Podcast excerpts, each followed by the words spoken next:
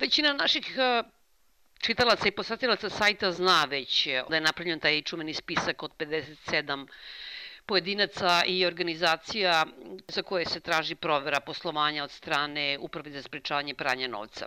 Oglasila se i uprava za sprečavanje novca, tačnije njen vršilac dužnosti direktora Željko Radovanović, oglasio se naravno preko Tanjuga kako bi drugačije. Dakle, on je rekao dve, tri stvari, da uprava radi nezavisno, da su ispitivali čak i četiri ministra i kako kaže, ako ministri nisu svete krave, zašto bi to bile nevladine organizacije ili mediji, odnosno novinari. Biljana, ukratko, kako bi ti odgovorila, odnosno komentarisala ove njegove navode? Kao prvo, to što on govori je potpuno besmisleno iz više razloga. Jedan razlog je to što postoji procedura po kojoj se takve stvari rade, zato što su sve banke dužne po tom istom zakonu da signaliziraju svaku sumnju da preko računa fizičkih i pravnih lica kod njih prolazi neki novac koji je na bilo koji način sumnjiv. Naročito ako se sumnja na pranje novca ili na još gore finansiranje terorizma. To je još i najteža stvar. Tako da banka bi signalizirala upravi da tako nešto postoji. To je prvo. Drugo, ako uprava uprkos tome sama posumnja da banka recimo je propustila da, da signalizira, onda uprava mora na osnovu validnih e, osnova sumnje, to se tako zove, da se ponovo obrati banci i da kaže zašto ona tačno sumnja da je neki račun e, po ovim osnovama sumnjiv. To se ovde nije desilo i sada se govori o nekoj rutinskoj kontroli i takvim stvarima otkad Uprava za sprečavanje pranja novca na ovaj način pravi rutinske kontrole. Ja sam, moram da kažem, angažovala advokata koji će već koliko danas da podnese Upravi za sprečavanje pranja novca, odnosno njenom direktoru Željku Radovanoviću, pritužbu sa našim zahtevom da nam se kaže po kom osnovu je naše preduzeće uopšte uzeto u obzir. Mi čak i nismo nevladina organizacija, mi smo klasično preduzeće, društvo sa ograničenom odgovornošću. Dakle, zašto smo izneti na ovaj način u javnost, šta, je, šta su bile tačne indicije da mi budemo stavljeni na ovaj, na ovaj spisak i po kom osnovu oni mogu da na ovaj način e, pregledaju naše račune i krše zakon o najzad zaštiti podataka o ličnosti. Ovde ima više stvari koje su krajnje sporne. Ovo saopštenje izjava šta li je već direktora uprave je, kao što sam rekla, besmisleno. Bolje da ovo nije govorio jer svaka rečenica koju je rekao zapravo ga optužuje da je prekršio, odnosno zloupotrebio zakon i svoje ovlašćenje. Stalno se vraćamo na te osnove sumnje, a s druge strane ne samo on kao VD direktora uprave, nego i neke organizacije koje se takođe nalaze na tom famoznom spisku, kao što je ovaj Centar za evroatlantske integracije Jelene Milić i e, stalno govore dakle, o nekim ili obavezama međunarodnim Srbije i izbegava se zapravo konkretan odgovor na konkretno pitanje. Šta je bilo sumljivo pa ste vi to preduzeli? Pa, to i jeste suština zamene teza. Ja to upravo pitam i to ću pitati ovom pritužbom, a posle ako mi se ne odgovori ili mi se ne odgovori na zadovoljavajući način, ja ću protiv Željka Radovanovića podneti krivičnu prijavu.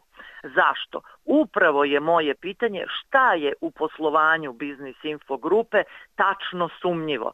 Ja ne želim da stavljam sebe u poziciju žrtve i da se sada branim, to je absurdno. Mi sada moramo da tražimo odgovore od državnih organa koji su dužni da rade u našem interesu jer već rade o našem trošku, da ih pitamo zašto zloupotrebljavaju svoj položaj, ko im je to naredio i šta je u našem poslovanju sumnjivo. Jer svako može da uđe na sajt Agencije za privredne registre, da nađe Biznis Info grupu, da vidi koliki je naš godišnji uh, ukupan prihod i da li ja kad isplatim plate, doprinose, štampanje novina, prostor i sve troškove, od ovoga što mi ostane, ako mi uopšte ostane, mogu da finansiram sada neku terorističku organizaciju. Znači ovo glupo zvuči kad se kaže. da I sad ja treba nekome to da objašnjam. Pa ja neću to da objašnjavam, ja hoću da obranem priču, da vratim loptu u njihovo dvorište, da oni meni objasne zašto su me u ovu poziciju doveli. Najčešće su se tabloidi, ali dobro i naravno neki visoki državni funkcioneri, odnosno mnogi, obrušavali na neistomišljenike. Naravno, najčešće su u pitanju kritički mediji i civilni sektor. Kako ti objašnjivaš da se sada upotrebljavaju u instituciji kao što je Uprava za sprečavanje pranja novca? Šta se sada događa? Događa se to da su i ti njihovi tabloidi do te mere iskompromitovani, da su i sami ministri do te mere iskompromitovani, da njihovo blaćenje ljudi koji se trude da profesionalno rade svoj posao zapravo dođe priznanje za vaš rad i kompliment. Tako da ti tabloidi više ne mogu da budu njihova batina, niti sredstvo odmazde, niti sredstvo zastrašivanja, naprotiv, i sada je moralo da se pređe na viši nivo, da se malo podigne ulog i da se upotrebe državni organi. I ni manje ni više nego uprava za sprečavanje pranja novca i finansiranja terorizma. Ljudi, ako smo kod sprečavanja pranja novca, izvolite otići po Beogradu, izvolite otići na Kopaonik. Na Kopaoniku svako zna ko od ovih biznismena bliskih vlasti, pa i ministara i državnih funkcionera gradi koju zgradu ili hotel. Tačno se zna šta je čije. To je klasično pranje novca. To je osnov za ozbiljnu istragu. I umesto toga ja treba da se pravdam Siniši Malom, da objašnjavam njemu da li ja sa mojim godišnjim obrtom od 300.000 evra finansiram teroriste. A ne treba on meni kao državni službenik da objasni odakle njemu sve što posjeduje. Ja nikad u životu dana nisam radila u državnoj službi, niti sam poslovala sa, sa državnim organima, Dakle, ja vodim privatno preduzeće. Mene može da se pita da li sam platila porez. Jesam i u pretplati sam. Državnog službenika treba da se pita odakle njemu novac koji poseduje ako ima platu od 1000 evra. E, mi smo sada obrnuli priču. Ja na to ne pristajem i zato ću ja njih i dalje da pitam zašto oni zloupotrebljavaju svoje položaje, a stvarno sam ubeđena da će da dođe dan da ih propitamo malo i za njihove račune i njihove poslove dok su bili na vlasti. Ono što jeste nezgodno kod mene, a i kod medijske kuće koju ja vodim, jeste što nemam problem da istrpim ni kritiku ni pritisak, nemam problem da svakome u oči kažem vidi ovako, ti loše vodiš ovu zemlju sa ekonomske tačke gledišta. Zbog toga što privreda ne može da radi. Stranim investitorima daješ ogroman novac u nedostatku pravne države. Poreska uprava je jedna tvrđava u kojoj se ne zna šta se dešava i služi kao sredstvo odmazde. Javna preduzeća gube novac, vode ih nekompetentni ljudi. E, Telekom Srbije je devastiran iz političkih razloga.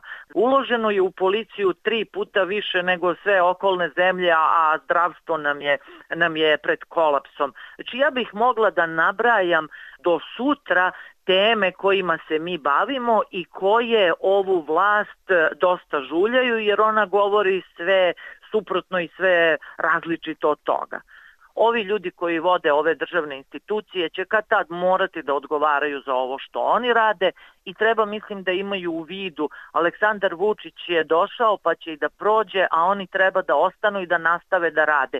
Jer e, problem su svi ovi ljudi u ovim institucijama koji dozvoljavaju da se na ovaj način zloupotrebe, da još i pravda je ovako besmisleno kao što to radi Željko Radovanović i oni moraju biti izvučeni na čistinu. Oni su glavni u toj priči. Ako bi neko od njih došao i rekao ja neću ovo da radim, ja neću da postupam suprotno zakonu i da zalažem svoje ime i prezime, drugačija bi priča bila. Dokle god takvi ljudi pristaju na političke pritiske kojima prvo podlegnu, a posle ih još besmisleno i opravdavaju, ovakve stvari će da se događaju. Prema tome, posle naknadna opravdanja, spinovanja, objašnjavanja, izvrtanje priče na stranu, pa šta fali, nek me kontrolišu, pa mislim, to nikakvog smisla nema. To je već je postalo iritantno. Nemamo šta da krijemo, neka dođu, neka provere. Ja uvijek pitam ljude, dobro, onda zašto policija svakog dana ti ne lupa na vrata i kaže samo da vidim da li se možda neko krije tu od kriminalaca. A ti kažeš nemam ništa protiv, izvolite uđite u kuću. Mislim, neka dolazi svakog dana policija, neka te proverava na kuću, pa ću da vidim kako ćeš da reaguješ. Pa upravo se o tome radi. Mi smo, na primjer, pravili seriju tekstova o radu i poslovanju Poreske uprave. Poreska uprava treba da bude državni organ koji će vama da pomaže u poslovanju i naravno da vas kažnjava kada vi kršite zakon. Ne, ovde je obrnuto. Poreska uprava je jedna tvrđava, nedodirljiva od koje ne možete dobiti ni izjavu koji je danas datum i koliko ima sati, a ne nešto drugo, morate stalno da živite u strahu da će vam doći poreska uprava koja će naravno uvek nešto da vam nađe, vi nemate mogućnosti da se od toga odbranite, ona je krajnje selektivna, dakle može vam doći iz bilo kog razloga i ne drljaćete, a mogu pored nje da prođu kamioni i nećemo da primetimo. I šta onda? Onda treba da živite u strahu da ćete biti predmet kontrole. Umesto da funkcioniše pravna država, da kad ima osnova i indicija, kao i u ovom slučaju da ste možda utajili porez, što se u porezkoj upravi lako vidi, onda vam dođu pa kažu izvinite što niste platili porez.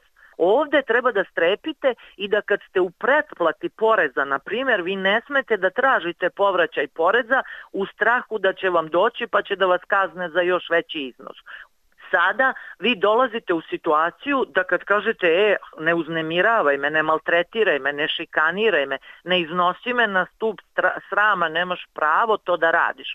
Oni dođu i kažu šta je, ti se plašiš kontrole. Pa ne može tako da se radi.